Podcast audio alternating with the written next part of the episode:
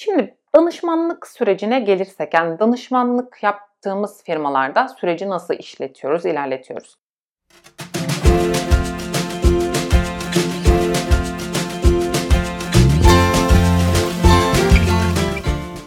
Öncelikle süreçler, sistemler ve ölçümler gibi konulara bakarak müşterinin operasyonlarının bir değerlendirmesini yapıyoruz. Mevcut durumda neredeyiz? Önceliklerimiz neler olmalı? Ardından iyileştirilecek konuların belirlenmesi ve bir yol haritası oluşturulması. Oluşturduğumuz bu yol haritasını da üst yönetimle el sıkışıyoruz.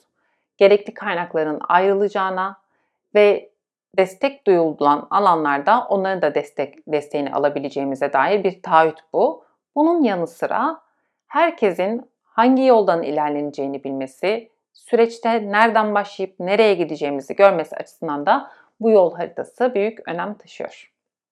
Süreç boyunca ekiplerle birlikte etkili bir şekilde çalışmak ve talepleri yönetebilmek ve öncelik sırasına koyabilmek önemli. Uygulamaları yaparken ve sonuçları izlerken üst yönetim ve ekiplerle yol haritasının neresindeyiz, kazanımlarımız neler, gerçekleştirdiğimiz konular neler ve bunlar bize nasıl fayda sağladı, gerçekleştiremediğimiz, önümüzde engeller olduğunu düşündüğümüz konular var mı? Bunlarla ilgili olarak nasıl destek sağlanabilir, ne tür kaynaklara ihtiyacımız var? Bunları düzenli olarak paylaştığımız toplantılar, gözden geçirmeler yapıyoruz. Danışmanlık süreci sadece firmada yapılan çalışmalarla ilgili değil. Firma dışında da ofiste yaptığımız raporlamalar olabilir, bazı eğitim sunumlarının hazırlanması, düzenlenmesi olabilir. Ya da benim firmamda işte gerek finansal olarak olsun, gerek başka işler olsun bunlarla ilgili olarak yapmam gereken çalışmalar olabilir. Danışmanlık süreci yani firmadaki zaman artı ofiste geçen zamanlar olarak tanımlayabiliriz. Bu süreçte neler olup bitiyor? Bu da ayrı bir video konusu olsun. Bunların yanında firmalara giderken sürekli yollarda oluyoruz. Bu tabi bazen zorluk olabilse de ben onu şu şekilde değerlendiriyorum. Katma değerli, katma değersiz ve israf olarak baktığımızda yolda geçen zamanlar yapmak zorunda olduğumuz ama sürece değer katmayan zamanlar. Ben direkt o sürece olmasa da kendime değer katması açısından bu süreyi nasıl değerlendirebilirim diye düşündüğümde Yollarda eğer arabayı ben kullanıyorsam Storytel'den kitap dinlemek ya da Spotify'da takip ettiğim podcastleri dinlemek bana hem o süreyi değerli geçirdiğime olan inancımı arttırıyor hem de gerçekten oradan e, fayda sağladığım e, bazı kazanımlar sağladığım durumlar oluyor. Çok güzel sesli kitaplar okudum. Mesela bir tanesiyle ilgili olarak bir kitap önerisi hazırlayıp onu da linkini şuraya şuraya bırakıyorum. Building a Second Brain kitabı ve bu kitaptan yola çıkarak yaptığım çalışmaları daha farklı şekilde yapmaya, örneğin Notion'da kullandığım dosyalama yöntemini daha farklı yapmaya, aynı zamanda bilgisayarımdaki klasörleri de daha farklı tutmaya başladım. Bu benim için gerçekten e, işe yarar, hem kendi açımdan işe yarar bir şey oldu, hem de bunu başkalarıyla paylaştım ve birkaç kişi belki bununla ilgili olarak farklı bir şey yaptıysa orada da değer yaratan bir süreç ortaya çıktı. Operasyonel mükemmellik danışmanlığı yolunda zorluklar nelerdir? Az önce biraz bahsettim bu adaptasyon kısmında. Farklı firmalarda, farklı süreçlerde çalışmanız gerekiyor. Bu kimi zaman zorluk gibi gözükse de aslında bir taraftan sürekli öğrenen zihniyetiniz varsa, sürekli öğrenmeye hevesliyseniz çok faydalı oluyor. Her bir prosese tabii ki uzman niteliğinde değil ama her bir prosesle ilgili olarak bilgi sahibi oluyorsunuz ve proseslerin birbiriyle benzerliklerini karşılaştırdığınızda burada yapılan bir fikir burada size başka bir şey çağrıştırıp orada farklı yoldan ilerlemenizi ya da oradaki kişilere farklı fikirler vermenizi sağlayabiliyor. Bir diğer zorluk insanlar sizin onların kendi işine karıştığını düşünebilir. Bu nasıl oluyor? Az önce yine bundan da bahsettim. İşte ben bu işin profesyoneliyim. Sen bana ne anlatabilirsin? Elbette ki ben size o prosesle ilgili olarak prosesin ne olması gerektiğiyle ilgili olarak bilgi vermiyorum. Bunu yapan teknik danışmanlar da var. Onlar ayrı bir konu. Ama operasyonel mükemmellik danışmanı olarak odaklandığımız ve en iyi olduğumuz konu bir girdimiz var, prosesimiz, parametrelerimiz var ve çıktımız var. Bunların nasıl ilişkilendirilmesi gerektiğini size en doğru şekilde gösterebilecek danışmanlar olduğunu düşünüyorum. Eğer onlara gerekli bilgiyi, desteği, kaynağı sağlarsanız ve o denemeler içerisinde onlarla birlikte rol alırsınız. Tabii bu sadece danışman olduğunuz zaman değil, operasyonel mükemmellik departmanında çalışırken de başınıza gelebilecek bir şey. Örneğin ben 2004 yılında 6 Sigma Karakuşak olarak çalışırken dikim prosesinde bir 6 Sigma projesi yapıyorduk ve vardiya amiri, vardiya biri bana dedi ki senin yaşın kadar benim deneyimim var. Doğru. Dikim prosesi hakkında bana ne öğretebilirsin ki? Doğru. Dikimle ilgili, dikişle ilgili bir şey öğretemem. Benim en iyi bildiğim yol, ona da aynısını söyledim. Girdimiz nedir? Proses parametrelerimiz, prosesimiz nasıl işliyor? Proses haritası nedir? Ve çıktımız nedir? Bunları iyileştirmek, optimizasyonunu sağlamakla ilgili olarak çalışıyorum. Gelin birlikte çalışalım. Sonuçlara ikna olmazsanız üzerine konuşalım. Neler yapılması gerektiğiyle ilgili olarak gözden geçirelim gibi az önce bahsettiğimiz aslında iletişim e, becerileriyle de bunların üstesinden gelmek mümkün olabiliyor. Yani çoğu zaman zorluklar bence işin keyifli tarafları da oluyor. Bu zorlukların nasıl görüp bunlara karşı nasıl davrandığınızla ilgili olarak iyi ya da kötü sonuçlanabiliyor. Ve bu sizin bir taraftan da gelişmenize sebep oluyor. Farklı paydaşlarla bir şeyleri paylaşıyor olmanız gerekiyor.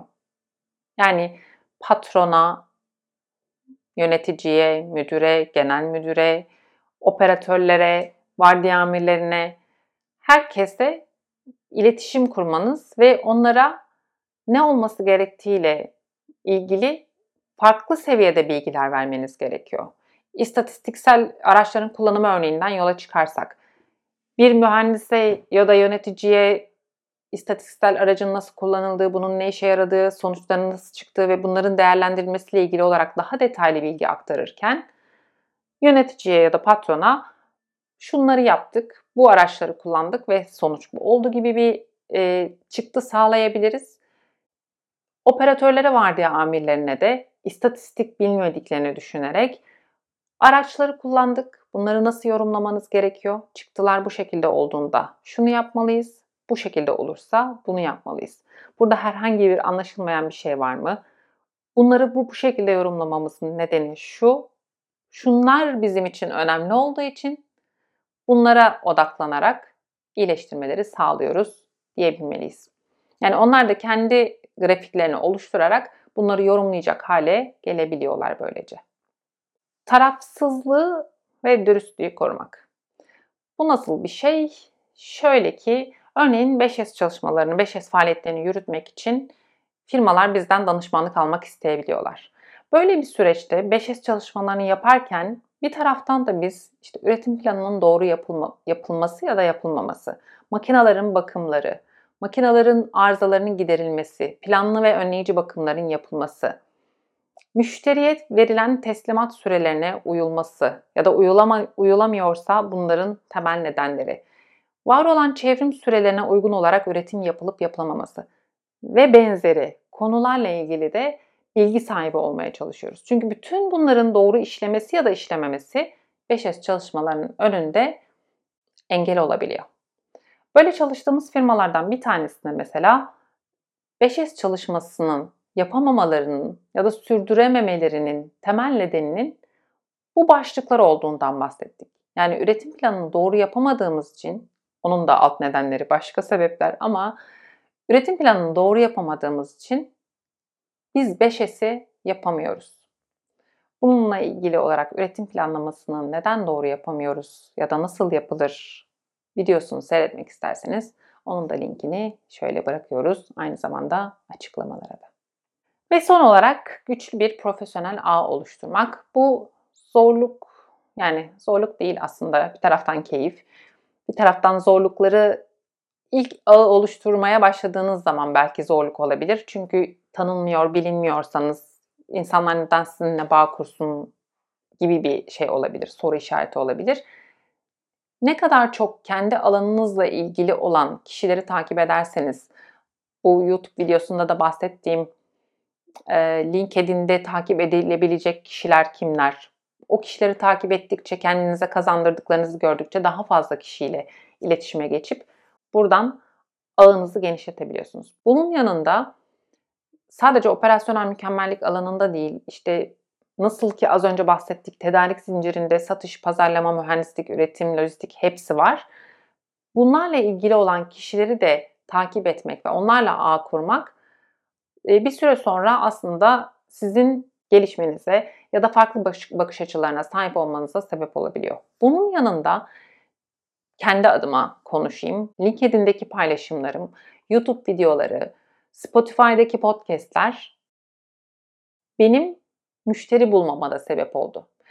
Neden bunlar müşteri bulmaya sebep oluyor? Şöyle düşünüyorum. Ben aslında kendimi öncelikle tanıtmam lazım değil mi? Bir yere danışmanlık vermek istiyorsam onlar benim ne iş yaptığımı, nasıl yaptığımı ve bu işleri yaparken hangi araçları kullandığımı ve bu araçlara ne kadar vakıf olduğumu bilmeleri gerekiyor. Bunu bilmek için de aslında dönüp benim LinkedIn paylaşımlarıma, Spotify podcastlerine, YouTube videolarına baktıklarında az çok bir fikir sahibi olabiliyorlar. En azından o ilk görüşmeyi yapıp yol haritası oluşturmakla ilgili olarak neler yapabileceğimize dair, birlikte nasıl bir iş ortaklığı kurabileceğimize dair bir ilk adım geliyor. Dolayısıyla operasyonel mükemmellik departmanında çalışanlar ya da gelecek dönemde operasyonel mükemmellik danışmanlığı düşünenler bir taraftan paylaşımlar yapmak, kendi bildiklerini paylaşmak, farklı insanların deneyimlerinden yararlanarak onlarla iletişime geçmek, etkileşime geçmek. Onlarla etkileşime geçerek yani yorumlar kısmında da sürece dahil olarak daha fazla kişinin ilgisini çekebilir ve oradan hem siz beslenebilir hem de başkalarını besleyebilirsiniz. Almak vermek dengesi de bu şekilde kurulabilir. Ben yolları, yolculukları severim. Hem tatil için hem de iş seyahatleri için. Arabayla giderken şoförsem Storytel ve Spotify yardımıma koşuyor. Aracı kullanan ben değilsem yolda sohbet etmek ve geçtiğimiz yolları izlemek keyifli oluyor. Sadece iş amacıyla ilk defa gittiğim birçok yer oldu ve dolaşma gezme imkanı bulduğum birçok yer oldu. Yine operasyonel mükemmellik danışmanlığı sayesinde ya da podcast çekimleriyle tanıştığım birçok insan var. Onlarla yemek ve kahve için buluşmalar, keyifli sohbetler de bir başka kazanç oldu benim için. Operasyonel mükemmellik yolu benim için hem keyif hem öğrenme dolu. Herhangi bir sorunuz veya yorumunuz olursa bana ulaşmaktan çekinmeyin. Operasyonel mükemmellik ve danışmanlık konusunda daha fazla video için beğenmeyi, kanala abone olmayı, bildirimlerinizi açmayı unutmayın. Buraya kadar izleyenlere bir haberim var. Operasyonel mükemmellik alanında kariyer sahibi olmak isteyenler, gerek departmanlarda çalışmak, gerekse danışmanlık yapmak isteyenler için bir program oluşturduk. İhtiyacınız olan teknik konuların anlatılması, örneklerle bol bol uygulama fırsatları, yol haritası oluşturma ve bunun takibindeki raporlamalar, süreçteki tüm hesaplamalar ve iletişim ikna gibi konuları da içeren bir program. Programın detayları ile ilgilenenler aşağıdaki mail adresinden bize ulaşabilirler. Hoşçakalın.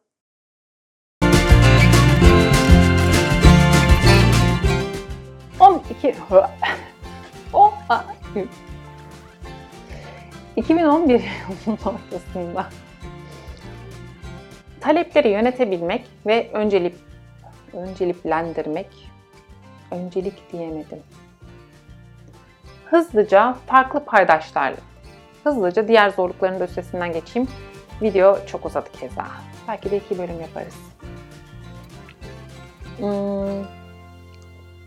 Ya da post postcast